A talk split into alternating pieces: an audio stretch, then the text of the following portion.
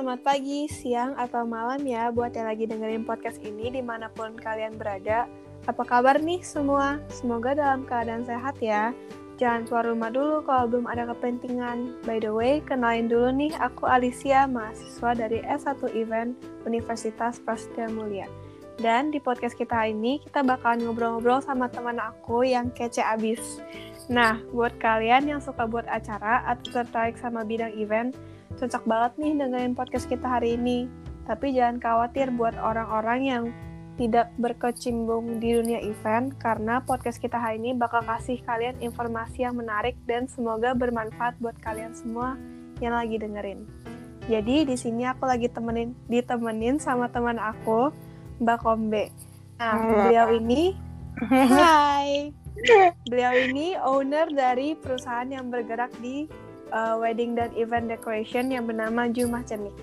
Daripada aku kebanyakan ngomong nih sekarang, mending kita langsung ngobrol-ngobrol sama Mbak Kombe-nya langsung.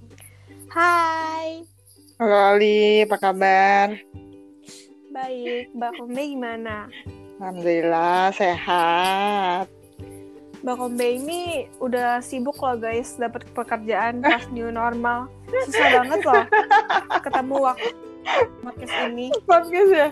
Iya, abis gimana dong? Udah tiga bulan di rumah terus kayak kerjaan sebenarnya kan banyak, cuman karena PSBB kan, jadi nggak boleh ngapa-ngapain tuh. Jadinya depending gitu semua. Pas udah PSBB agak dicabut, agak longgar sedikit, ya udah disikat-sikatin aja. jadi daripada di rumah terus kan, nanti malah berlumut lagi. ini setiap hari kerja ya? Uh, kalau minggu ini sama minggu depan sih udah udah ritmenya udah lumayan agak rame. Entah itu nanti kita meeting sama klien terus aku ada event-event kecil sih kayak flower arrangement tapi kayak buat private dinner terus kayak buat photoshoot kayak gitu gitulah studio. Yang semuanya tuh tapi ya dalam skopnya kecil sih. Aku nggak nggak mau ngeluarin tim yang besar karena kan lagi kondisinya kayak gini ya. Jadi meminimalisir hmm. karyawan. Jadi kayak semuanya yang semuanya yang dipegang sendiri aja gitu. Hmm. oh iya ini yang dengerin podcast ini belum pada tahu loh Jumat Cenik itu apa ya? siapa? Siapa ya? Gue siapa ya? dekorasi gimana? Penasaran loh pasti. Oh iya. Yeah. namanya kan unik juga. Ayo Jumat Cenik ya, oke. Okay. Kalau yang nggak tahu nih, eh, apalagi teman-teman Ali ya kan, yang pasti nanti merit segala macem tuh gue sekalian promo ya sekarang. Jadi Jumat Cenik itu sebenarnya uh, wedding stylist decoration. Jadi kita bergeraknya sih di dunia ya di dunia art ya sebenarnya jadi kayak lebih ke stylistin manten kayak gimana maunya untuk dekorasi sih khususnya. Terus event juga kita pegang. Jadi kalau Jumat Cenik sendiri sih berdirinya sih sebenarnya kayak 2016 ya 2016 2015 masih rilis banget. Tapi pas benar-benar digongnya itu 2016 nah kenapa sih namanya kok Jumat Cenik apa sih? Jumat Cenik itu Jumat Cenik itu artinya rumah kecil. Karena sebenarnya sih aku kan emang dari awalnya konsepnya tuh kayak pengen pegangnya weddingnya yang kecil-kecil aja deh. Kayak gue bosen ya ngelihat orang wedding terus kayak di ballroom di gedung terus kayak cuman datang salaman makan terus bye gitu. Nggak ada mantannya terus kayak dipajang aja gitu. Kayak ah dia ngelihat tamunya datang turun terus bye gitu kan kayak nggak dapet gitu loh. Touchnya nggak dapet. Akhirnya kepikiran mau ah mau gue mau bikin dekoran tuh yang bener-bener intimate. Dan kita tuh kayak kayak mantan tuh akhirnya akan enjoy di acara itu. Dan dia nikmatin oh ya dekoran gue kayak begini ya. Oh ya musik gue kayak begini gitu-gitu. Jadi kayak dari awal tuh memang cuma Cenik ini ngomongnya kita rumah kecil. Jadi kayak ya ketika masuk ya ini rumah kecilnya mantan gitu. Memang awalnya kan di, kita bisnisnya di wedding gitu kan sebelum merambah ke event segala macam. Nah begitu. Jadi pas ini juga kan kita ngambil dari bahasa Bali. Kebetulan culture Bali itu lumayan agak berpengaruh nih di Jumat Cenik. Jadi karena Uh, dan kita memang ada cabang di sana walaupun cabangnya mungkin nggak seintens yang di Jakarta tapi cabang di Bali juga kita punya gitu dan itu hanya orang-orang tertentu aja yang benar-benar kenal cuma cantik Jakarta biasanya mereka tuh mbak ayo dong di Bali gitu akhirnya ya udahlah kita buka di Bali gitu makanya kalau filosofinya sendiri ya pengennya sih jadi rumah kecilnya orang yang kita handle sih. Jadi bukan sesuatu yang apa ya glamorous megah gitu. Tapi kita lebih ngambil ke maknanya kita maunya yang benar-benar berkesan walaupun kecil ya berkesan gitu. Jadi uh, karena sebenarnya sih kalau untuk wedding kan orang datang itu kan esensinya ketika dia menghadapi holy matrimony atau akad nikah dan sejenisnya itu sih mau diambilnya itu gitu Ali. Wah asik Eh, keren banget ya sejarahnya.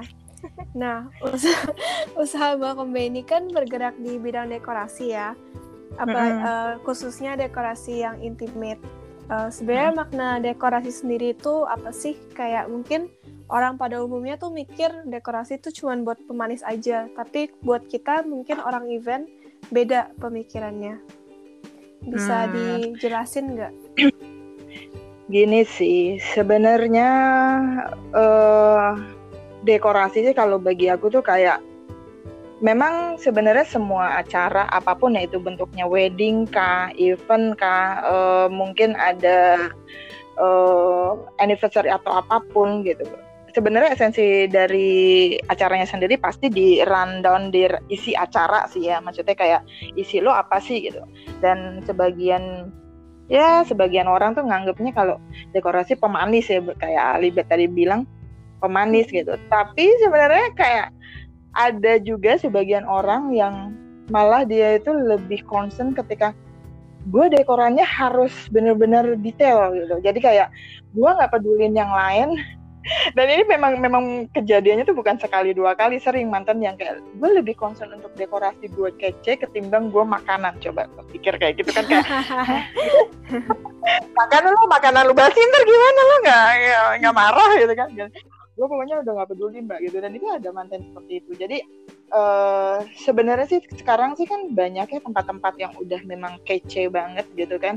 Tanpa di dekor pun uh, dia udah kece gitu kan tapi ketika dekorasi itu masuk sebenarnya sih tugasnya dekoran itu dia bisa ngebu uh, ngubah ya ngubah venue itu tuh jadi ambience yang manten mau gitu. Kalau di Jumat Cenek sendiri kan karena kita intimate rata-rata venue kita venue juga kecil kan nggak yang venue besar. Nah tugasku itu sebenarnya adalah mengubah venue itu bukan berasa seperti ballroom juga bukan berasa jadi kayak wedding banget juga tapi kayak ngerubah itu jadi rumah mereka gitu loh. Jadi kayak uh, let's say kita ada salah satu restoran yang dia tuh nampung restoran Jawa lah gitu. Maksudnya ambience-nya udah Jawa Bali gitu. Tapi mantennya sangat sangat western nih karena konsepnya western dan mereka misalnya orang Medan pula gitu kan. Jadi kayak kayak aduh mbak gue restoran gue Jawa banget dan Bali banget. Sedangkan itu orang Medan gitu kan. Jadi ya di situlah tugas kita kayak ya gue harus kayak nggak merubah sih kayak gue melengkapi ya gue lebih seneng lebih seneng bahasanya tuh melengkapi tempat tersebut supaya ambience-nya itu bisa masuk ke konsep acara mereka gitu. Karena memang kan sebenarnya kalau uh, satu event itu entah wedding entah uh, acara apa pun ketika semuanya itu nggak saling ngelik uh, apa ngeling dan ngeklik kan kayak akhirnya pecah-pecah gitu loh. Jadi kayak ketika oke okay, acaranya udah udah udah oke okay nih ada western dan di mix sama misalnya uh, Batak itu kan ada tortor atau apa. Tapi ternyata dekorannya hah kok dekornya kayak Jawa ngikutin ambience tempatnya ya Jawa banget. Nah kan jadinya nggak nggak lucu gitu. Nah di sini tuh peranan untuk dekorasi tuh kayak begitu. Stylist tuh sebenarnya kayak mikirin oh ya gue harus ngebawa tempat ini supaya nanti masuk ke acaranya tuh seperti apa supaya nyambung gitu. Jadi nggak cuman uh, ibaratnya pemanis ya pemanis tanda kutip gitu. Ya memang sih uh, kita memang harus jadi manis sih karena rata-rata kalau misalnya begitu itu kan venue maunya juga kayak oh ya lucu gitu kan. Nggak yang cuman begitu doang gitu.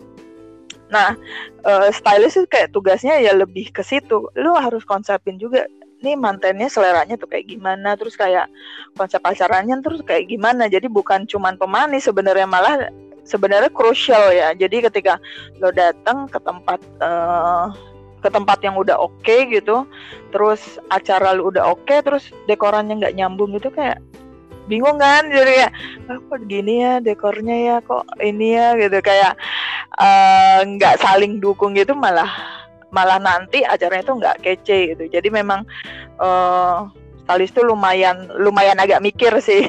Kita tuh lumayan agak mikir untuk konsep segala macam kayak gitu sih Al. Nah itu kan uh, di satu sisi di mana uh, mantannya peduli banget sama dekor, tapi ada juga orang yang kenapa sih dekor mahal banget? Kayak gimana tanggapannya buat ngadepin orang, -orang ya? gitu. Kan be kalau iya iya iya jadi uh, sebenarnya kan gini.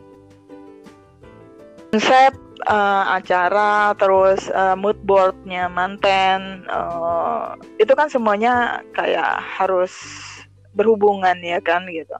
Terus uh, tapi manten-manten sekarang lucu bukan? Ada lucu. Ngomongnya uh,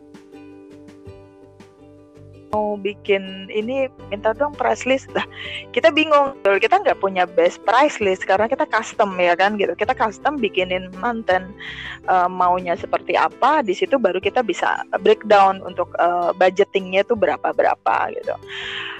Dekoran dibilang mahal banget uh, untuk sebagian orang ya gitu. Maksudnya kayak masih masuk budget gue kok mbak gitu. Tapi ada beberapa yang mahal banget sih mbak gitu. Uh, kalau dari Jumacan sendiri sih kita pasti lihat maunya manten dulu sih mood boardnya dia tuh maunya kayak gimana gitu. Makanya budget itu akan menyesuaikan apa yang mereka mau gitu. Soalnya mahal dan murah itu kan relatif deh. Jadi kan relatifnya dalam artian yang didapat tuh kayak uh, mantennya tuh kayak kayak gimana gitu kan. Jadi uh, ada beberapa orang yang bilang apalagi mereka yang udah mungkin udah survei ke vendor-vendor besar gitu kan gitu. Apalah ya kan gitu. Akhirnya pas tanya gini mbak uh, gue punya konsep begini terus dengan budget begini masuk nggak sih? Gitu. Biasanya kita juga akan lihat lagi oh konsep lo begini budget segini. Oke okay, kalau misalnya gue bilang ini masuk kok bisa running? Gitu dan itu gue akan akan sharing ke mereka ya bisa running gitu. Tapi kalau misalnya pun nggak masuk kita pasti ngomong. Soalnya gini Ali uh, kita kan masing-masing dekorator stylist ini kayak punya standar mm -hmm. sendiri ya kan?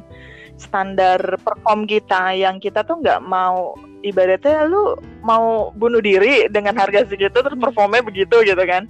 Jadi kayak ketika budget itu tidak uh, tidak cukup gitu untuk untuk breakdown dari dari kita ya kita nggak mau maksain juga. Pasti kalau aku tipikalnya vendor yang open uh, lo punya budget berapa konsep lo gimana kalaupun dia nggak masuk aku akan ngomong gitu. Sorry kalau untuk budget sekian uh, kamu masuknya sekian gitu. Jadi entah itu di atas ya nanti uh, kita akan akan biasanya itu akan sharing lagi untuk apa yang bisa di take out terus apa yang nanti tetap di profit yang bisa masuk budget dia gitu. Atau biasanya sih manten nih rata-rata ketika aku udah kasih quotation terus kita udah tahu mood board dan break uh, breakdown budgetin dari mereka mereka akan kayak mikir dua kali mbak uh, gue mau uh, untuk mikir dulu ya sama calon gitu. Tapi akhirnya mereka balik-balik lagi. Mungkin karena mereka harus menyamakan kan ya hasil portofolio dan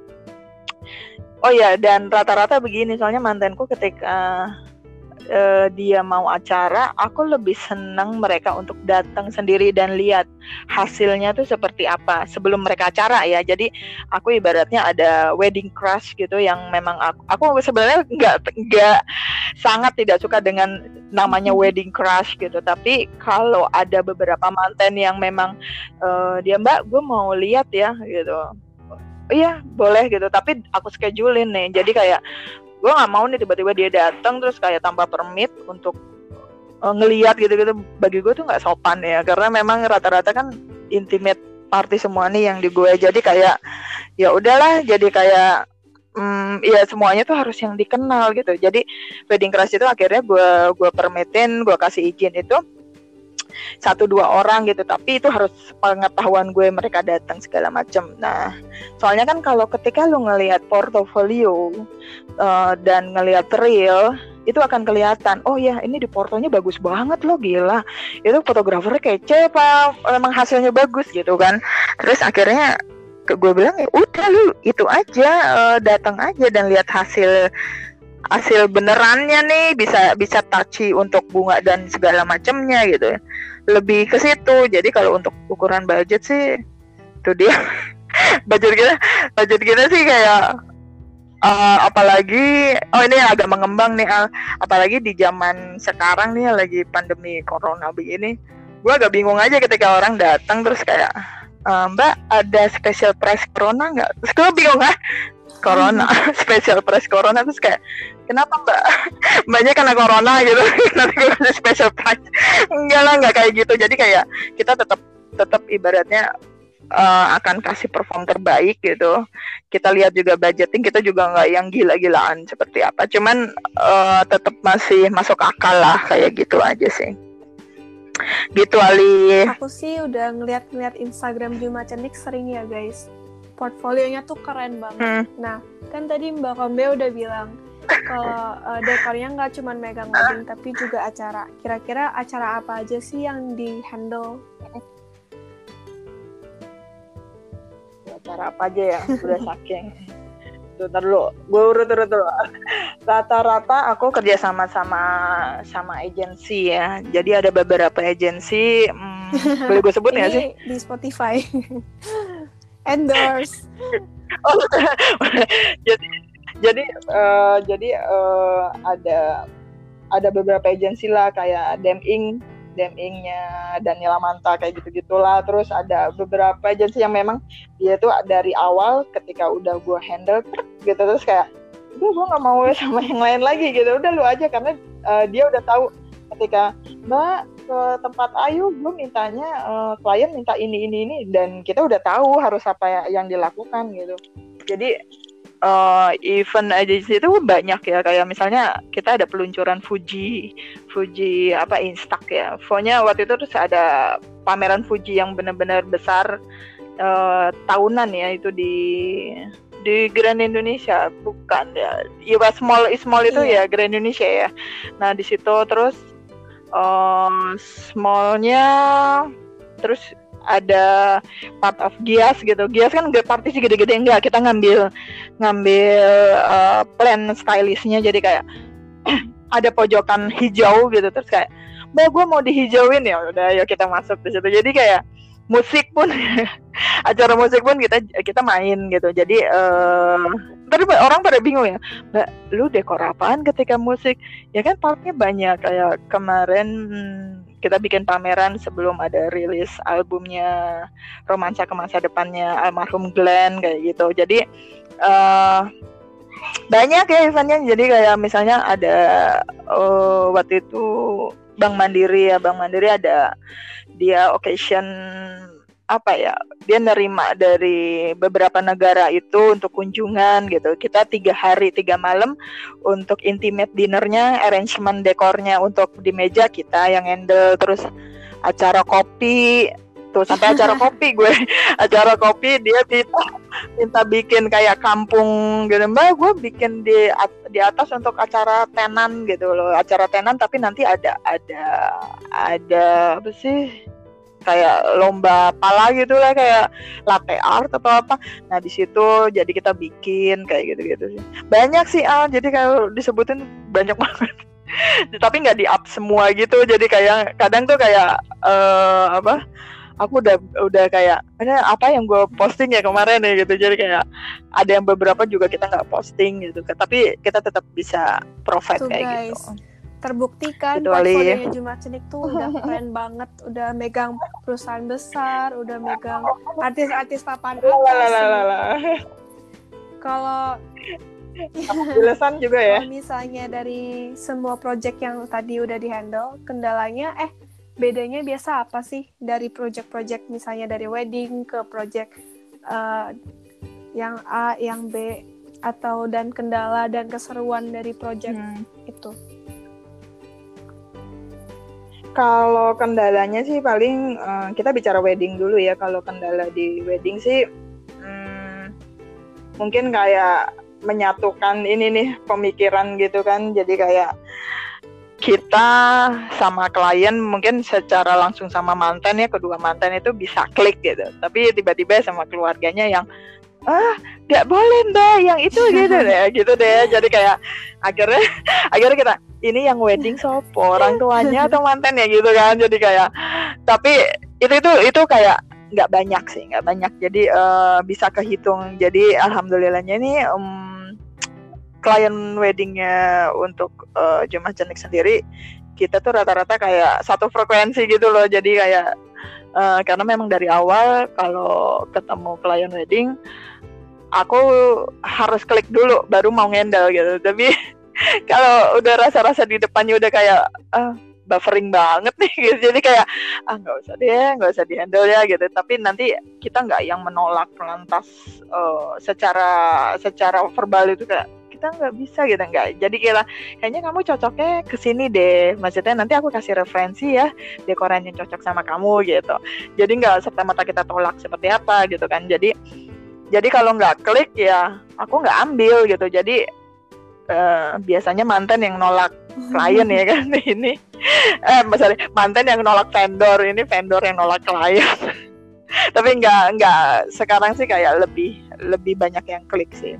Nah kendalanya itu paling itu kan. Jadi kayak keluarga terus kita nggak bisa handle satu hari itu dua event itu kita nggak nggak nggak nggak pegang itu. Karena kan intimate ya kalau intimate tuh kayak uh, harus touch sendiri. Terus kayak kita harus supervisiin sendiri gitu. Karena papa kan aku dikerjain sendiri ini dari uh, ide kreatif segala macem.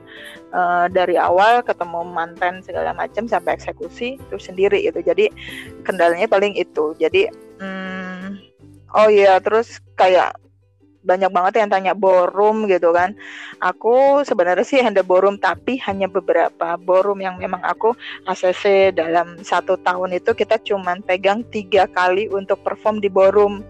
Tapi lihat dulu borumnya gitu. Jadi kalau borumnya memang sangat borum kita nggak mau ambil juga. Tapi ketika dia bilang mbak aku ada di Ayana, loh gede ah burungnya yang males banget gitu kan kayak aduh capek capek banget gitu. Enggak mbak aku ambil setengah karena tamu dia kayak cuma 200 ah kita lihat dulu juga kapasitas. Oh ya kalau 200 nggak mungkin diambil semua burung pasti setengah terus dia ngambilnya biasanya aku arah ini uh, kita ke arah taman aja. Jadi kamu ambience outdoor indoornya dapet. Jadi esensi cuma ceniknya borumnya tuh nggak nggak apa nggak hilang gitu. Jadi tetap kita dapat oh ya cuma ceniknya outdoor karena kita spesialis outdoor sebenarnya. Jadi dapat itu. Nah tiga tiga slot ini juga gedung-gedungnya itu dia ada kadang kendalanya tuh dapat gedung yang liftnya kecil terus kayak kita loadingnya harus naik tiga lantai.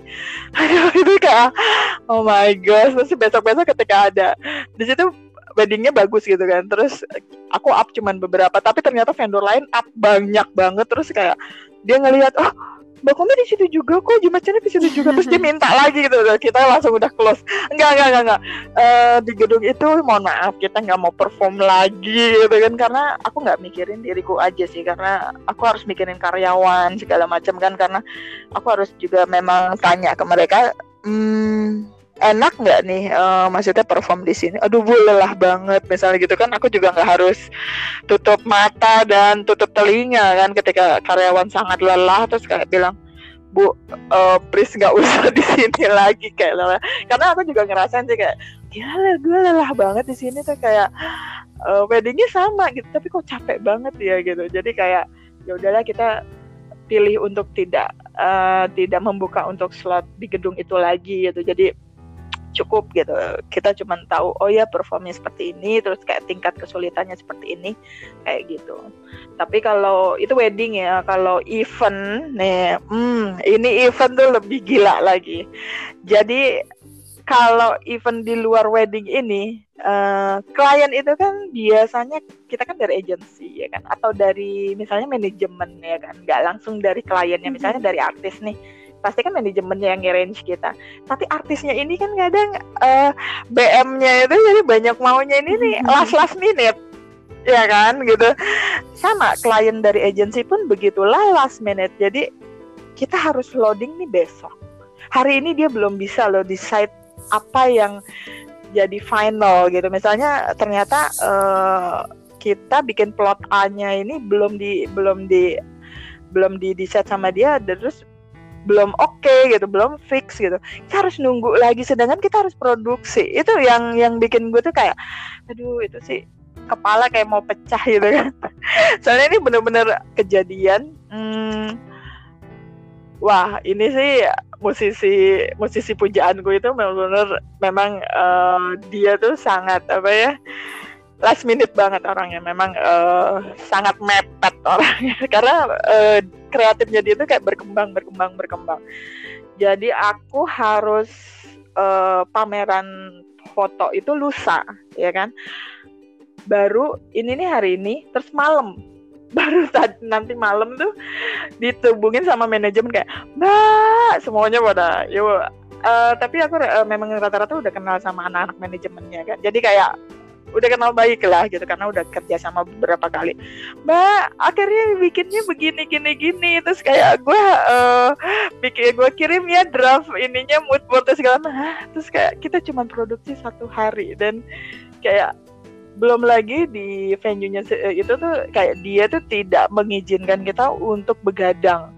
Untuk mengerjakan itu menyelesaikan itu begadang gitu kan. Tapi impossible ya kayak kita tuh rata-rata kan vendor pasti kan ya yeah. Ali pasti tahu lah vendor dekor itu datangnya itu malam-malam dan kita pasti begadang di venue mm -hmm. ya kan gitu. Dan kita sampai bengong what? Terus kayak kita besok lusa tuh dia udah harus pameran tapi gue hari ini harus harus loading dan nggak boleh begadang. So how? Gitu kan. Terus ya udahlah tapi akhirnya kita kita kerjaan semaksimal kita bisa gitu kan. Akhirnya ya ya the show must go on dan akhirnya ya udah selesai aja gitu. Entah siapa yang ngerjain tiba-tiba kayak udah berdirilah itu ya kan wall sepanjang itu. Terus kayak foto-foto udah terpajang. Terus belum lagi uh, hari haknya ketika perform uh, Gike udah mau dimulai kayak mbak gue minta kain sepanjang ini buat nutupin ini. Tuh kayak ah oke okay, kainnya sih ada. Terus caranya gue naik ke sana tuh gimana tuh? Kita harus mikir banget. Jadi kayak klien tuh seperti itu gitu tapi biasanya tuh aku ada ikatan emosional dulu ya jadi ketika ada uh, ikatan emosional kita baik kita diminta dadakannya pun jadi nggak kesal gitu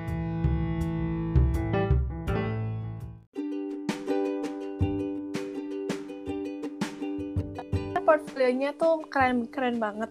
Biasa tuh dapat ya. inspirasi dari mana sih? Kayak bisa sampai sekeren itu. Ide-idenya dari mana?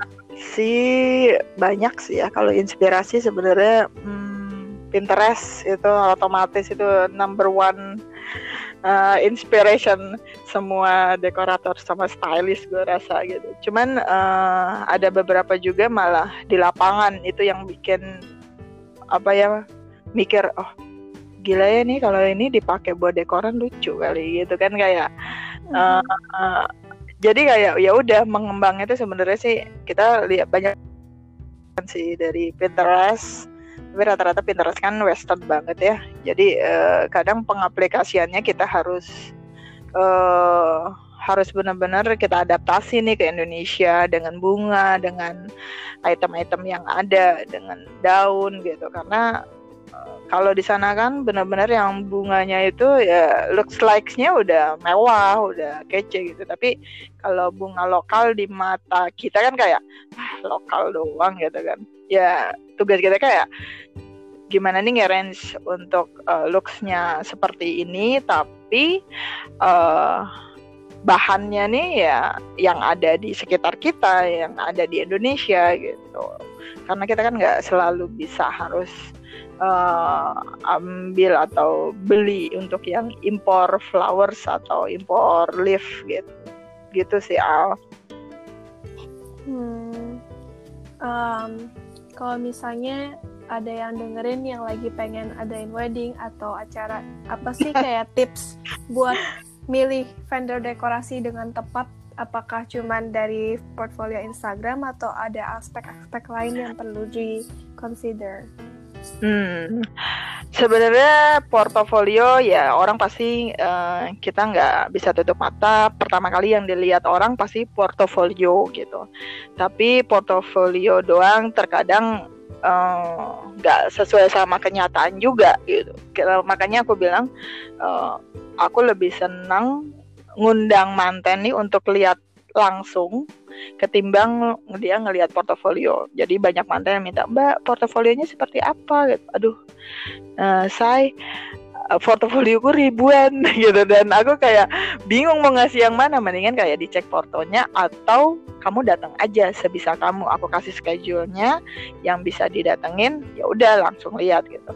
Dan uh, tolak ukurnya lagi ketika memilih vendor sih uh, harga ya otomatis juga jadi portofolio uh, harga gitu. Tapi biasanya tuh portofolio akan mengikuti ya dari dari budgetingnya. Jadi uh, kalau harganya mahal banget tapi ternyata dapatnya cuma itu aja kita juga pasti akan mikir kok gue dapatnya ini aja gitu kan. Nah uh, itu. Terus biasanya tuh uh, milih untuk dekorator itu enaknya sih harus ketemu ya ketemu terus kayak harus ngobrol dulu ngobrol dulu. Nah dari ngobrol ini kan uh, klien akan ngerasain uh, si dekorator stylist ini dia ketika memberi input atau menerima input itu seperti apa? Menurut gue sih kayak itu penting banget. Jadi uh, ketika kita ngelihat gestur uh, klien atau gesturnya vendor itu bisa menerima dan bisa memberi input sekaligus itu ya oke okay, gitu loh. Jadi jadi kayak nggak serta merta si vendornya doang nih misalnya yang ngasih input ini ini, ini terus kayak mantannya mau begini terus enggak ini baiknya begini ya apa ya jadi kayak tanda kutip maksa gitu ya gitu yang sesuai sama dia di pikiran dia bagus uh, dari vendor itu ya nggak bisa gitu juga. Jadi kayak dia harus open sih jadi uh, open dengan segala ide segala macam kayak gitu. Terus uh, karena karena Juma Senik itu dianya jadi kita pakainya kan semuanya bunga segar daun segar. Itu juga jadi tolak ukur sih menurutku. Jadi kayak kalau artificial kita nggak main sama sekali karena kita hmm, itu juga ada filosofinya sebenarnya Ali. Jadi uh, kita maunya uh, ramah lingkungan lah. Jadi ketika pun kita bawa tanaman uh, setidaknya itu tanaman itu kan kayak bisa memberi energi positif ya. Uh, kalau selesai acara kita bisa sumbangin misalnya ke rumah sakit atau siapa pun yang mau mengambil silahkan gitu. Jadi kayak ada kesan tersendiri. Bahkan ada beberapa yang uh, item misalnya aku misalnya pakai anggrek nih aku anggrek itu nggak mau aku potong. Jadi aku tetap merangkai itu dengan pot-potnya dengan akar-akarnya. Dengan harapan sih nanti setelah acara itu bisa dibawa pulang ya gitu. Jadi dibawa pulang, dirawat di rumah tuh. Akhirnya kita bisa nyediain oksigen buat diri kita sendiri, bisa mempercantik rumah segala macam kayak gitu. Nah makanya kita dari awal memang seperti itu. Kita maunya ramah lingkungan, terus kita nggak mau pakai bunga artificial sama sekali, terus uh, kita nggak mau pakai styrofoam, terus istilahnya yang nggak ramah lingkungan lah gitu. Makanya kalau Juma Channel sendiri kita benar-benar pakai akar ya akar beneran gitu. Jadi pakai kayu kayu beneran. Jadi kita bukan yang foam segala macem. Jadi banyak banget yang mantan akhirnya datang terus minta bang nggak apa-apa deh di mix artificial terus kayak e, tanda kutip kita coret. Terus kita coret itu mantannya gitu. Jadi kayak um, mungkin kalau yang artificial kita malah pakainya itu cuma lilin kali ya. Karena kan lilin agak agak tricky ya kan kalau misalnya di venue takutnya kebakar atau apa ada anak kecil jadi kita pakai lilinnya tuh artificial lilin elektrik ya. Jadi paling itu aja sih. Nah uh, kalau aku sih melihat dekorator seperti itu. Jadi kalau aku sendiri sebagai klien ketika datang ke vendor dekorator terus kayak ngelihat portonya oke, okay, terus harganya juga make sense, terus uh, item-itemnya juga uh, dilihat juga oke okay lah, nggak nggak bikin apa malu ya gitu. Terus uh, ternyata ketemu vendornya enak nih diajak ngobrol terus kayak dia ngasih input tapi dia juga mau menerima input mbak aku maunya seperti ini. Tapi dia ketika mengarahkan untuk mengeluarkan idenya tuh nggak maksa gitu. Jadi istilahnya kayak dengan bahasa yang enak lah gitu.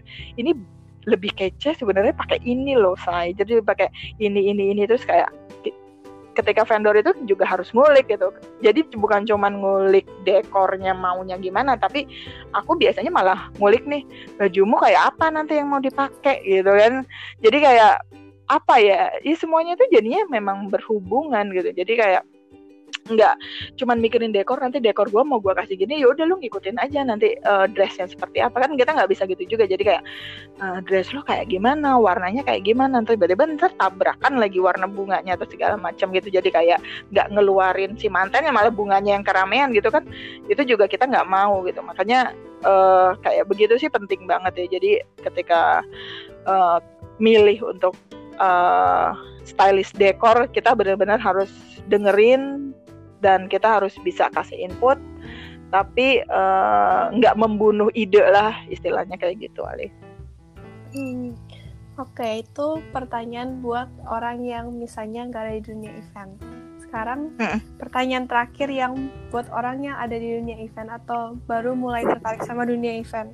Hmm. Uh, perja perjalanan karir Bakombe ini apa aja sih kendalanya dan apa uh, saran atau tips buat uh, adik-adik yang pengen misalnya uh, bikin usaha dekorasi atau yang mirip dengan usaha dekorasi di hmm. event? Uh, untuk yang beginner ya, misalnya nubi nubi, sebenarnya gue juga nggak yang senior senior banget ya, baru berjalan 4 tahun ya kan. Tapi alhamdulillahnya, ah buat kamu ya. Iya. Buat kamu ya. Oke okay. uh, eh, gini sih. Jadi uh, ketika kalian mau bikin satu bisnis ya kan kalian benar-benar sih harus milih bisnis itu ya di fashion kalian. Itu sih. Itu yang pedoman banget sih. Jadi uh, karena mungkin basicnya kalian tidak tidak di dunia entertain mungkin nggak di dunia art. Tapi uh, fashion kalian ke sini gitu loh sebenarnya gitu. Cuman uh, kakinya nih masih di mungkin di di tempat lain gitu. Jadi mulai bisnis itu ya memang harus dengan fashion diri sendiri sih gitu. Kecuali uh, dia memang bekerja ya, tapi kalau untuk merintis bisnis sendiri memang harus sesuai dengan fashion walaupun dia memang skillnya mungkin masih pas-pasan ya udahlah itu semuanya bisa digali gitu sih menurut aku ya. Jadi aku pun dulu nggak semahir untuk bikin handbook yang kece atau gimana gitu tapi karena berjalannya waktu di tempat di lapangan seperti apa lama-lama kayak ya refer terus akhirnya bisa dengan sendirinya gitu. Jadi skillnya akan tergali sendiri. Jadi itu satu jadi memang harus passionnya harus di sini dulu nih gitu. Jadi mikirin untuk untuk kerja kerasnya jadinya nanti uh, seneng gitu. Nah dua ketika udah punya bisnis nih harus punya konsep juga gitu. Jadi bisnisnya ini mau dikonsepin seperti apa gitu. Kalau aku pribadi kan cuma nih konsepnya kita kita memang maunya intimate wedding yang uh, personal touchy gitu kan. Jadi kayak lo stylishin yang benar-benar uh, buat acara kecil terus kayak lo harus memang punya patokan gitu loh. Jadi uh, ke, jangan apa-apa semuanya diraup gitu kan. Tiba-tiba kayak uh, mbak aku uh, mau nih tapi dengan konsep yang nggak ada di pikiran kita gitu. Jadi yang ber misalnya bertolak belakang. Nah itu jangan jangan diraup juga. Soalnya kalau kayak begitu nanti karakter untuk bisnisnya sendiri orang jadi bingung gitu. Kalau kalau misalnya udah terlihat kan oh ya karakternya dia seperti ini. Terus kayak uh, konsepnya dia udah jelas seperti ini dan dia kayak tetap konsisten ada di di karakter dan memang uh, konsep dia itu ya udah. Jadi orang akan lama-lama terbentuk. Jadi lama-lama bukan kita yang mencari pasar pasar yang mencari kita. Karena memang dari awal pun aku seperti itu. Jadi aku nggak mau yang aku dibentuk sama pasar. Aku yang ngebentuk pasar sendiri itu. Jadi dulu zaman 9596 Rastik itu bukan bukan hal yang sekarang sekarang kan semua orang wah rastik rastik dulu tuh orang wah apa ini? Gitu kan kayak dekoran macam apa ini? Gitu kan kayu-kayu berarakan gitu kan. Tapi mereka maksudnya kayak satu yang baru gitu dan satu yang baru dan aku konsisten di dalamnya. Jadi kayak aku nggak mau mengambil tiba-tiba mbak aku mau styrofoam yang bikin kayak oh, istana istana tapi styrofoam gitu ya nggak mau diambil gitu. Karena itu bukan bukan line-nya kita bukan bukan benang merahnya cuma cenik itu sih Ali. Terus apa ya uh, time management ya. Jadi kayak uh, kita harus bisa memanage waktu sendiri. Karena memang kalau bisnis di awal udah pasti itu apa apa dihandle dulu kan sendiri kita. Nggak nggak sekonyong-konyong tiba-tiba kita punya tim yang komplit. Ini ada yang ngurusin ini ada yang ngurusin diri enggak gitu kan. Pasti apa-apa kalau misalnya kita bisnis sendiri tuh pasti kita rintis dulu nih sendiri sampai ketemu klien terus sampai arrange untuk uh, konsepnya kayak gimana technical meeting dan segala macem kayak gitu. Sorry. Terus uh, paling itu apalagi ya? Uh, sama ya kita uh, kalau untuk secara administratif ya kita harus harus jelas sih. Jadi kita harus tahu uh, modal yang kita keluarkan berapa yang mau diambil untuk profit berapa kayak begitu. Untuk kendala-kendalanya sebenarnya sih hmm, kendala di awal untuk uh, bisnis sih udah pasti modal ya. Jadi uh, modal lo seberapa banyak modal lo seberapa besar gitu. Mungkin kalau modal lo besar lo bisa beli barang-barang yang lu mau ya udah langsung beli aja gitu. Nggak nggak pakai mikir lagi aduh gue harus memanage uang yang masuk untuk bikin barang. Kalau aku bikin ya bukan beli. Jadi bikin barang uh, supaya nanti tetap running tapi nggak terlalu bonyok nih gitu. Istilahnya tuh kalau di dekorator yang benar-benar merintis nih apalagi aku dulu itu benar-benar kayak modal lo adalah kayak semua jadi keuntungan kita tuh nggak ada pada event-event awal. Keuntungan kita hanya kita bisa punya properti.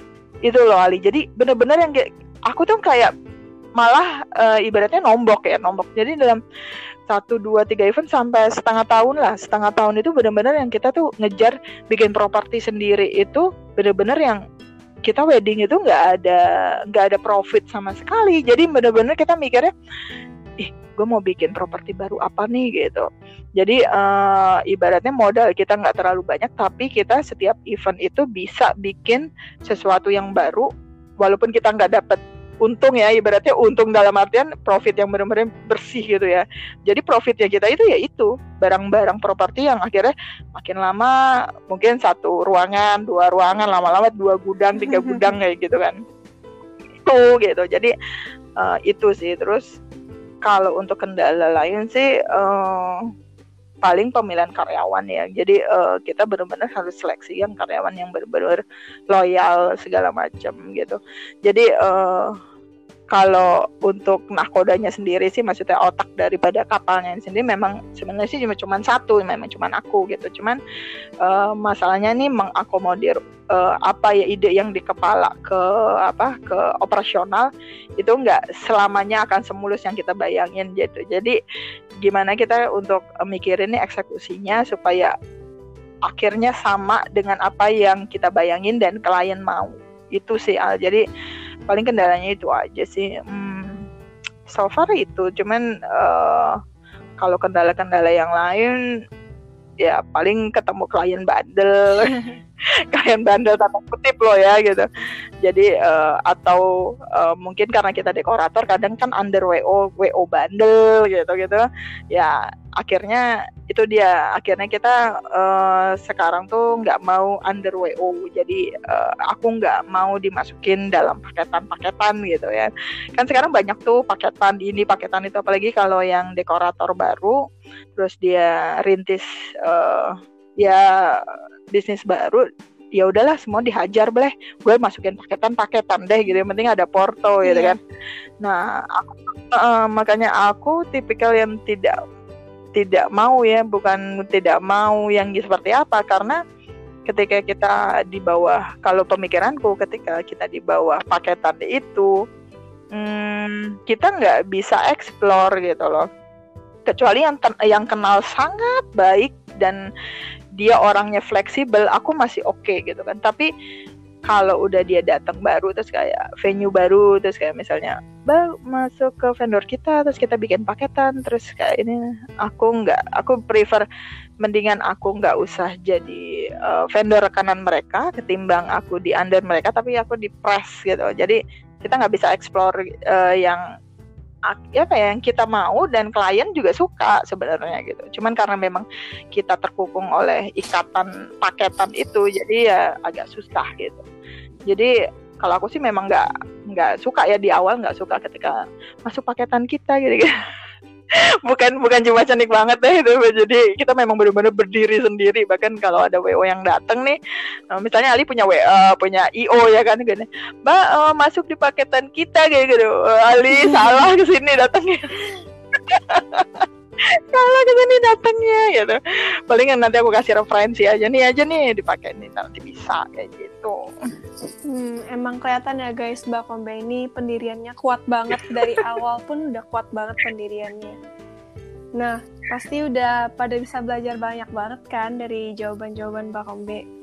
Itu udah cukup nih pertanyaannya Mbak karena kalau aku sama bakal ngobrol tuh nggak bakal bisa selesai. Bisa berjam-jam ini kita kalau eh kita nginep-nginep ya kan? Bisa nginep-nginep. Mbak Kombe abis ini udah ada acara lagi guys. Jadi kita harus potong sampai di sini. Iya aku udah ditungguin klien. Karena uh, minggu ini minggu hari minggu ini kan nggak aku aku lagi lagi kosong nih. Karena kemarin kan udah kerja mulu udah studio segala macam. Jadi mantannya jauh soalnya dari luar kota dia bela-belain ke Jakarta kan kasihan ya jahat banget kalau gue nggak Oke Ali, ada lagi nggak yang mau ditanyain? Udah. Udah cukup. Makasih banget hari ini udah luangin Sama -sama waktu Ali. sangat sibuk. Dari kapan ya? Dari kapan tahu ya? Sukses terus ya Juma Ceniknya. Amin amin. Ali juga ya di ditunggu nih rilis-rilis apa IO IO berikutnya. Wah Ali tuh juga hebat loh. Dia udah udah punya IO sendiri uh, udah udah di posting-posting juga ya dia. Lagi gak ada klien guys. Ada yang mau sumbang klien. Ah, amin amin amin. Oh gitu ya. kok, kok jualan ibu ya? Boleh deh, nanti kalau misalnya itu aku pasti sounding-sounding deh. Makasih. Jangan lupa ya guys, kalau ada wedding, kontak Jumah Jenik. gak harus wedding, gak harus Iya, wedding. semua acara, guys. Yang penting nih. dan intimate. Floral, oke. Oke guys, itu adalah sedikit cerita dari Mbak Kombes, aku owner Jumah Cenik. Aku harap post podcast ini bisa berguna dan informatif buat kalian semua para pendengar. Thank you for listening and I'll see you guys in our next podcast. Dah, Mbak Kombe. Bye, bye. Thank you. Ah, sukses ya. Yo, bye.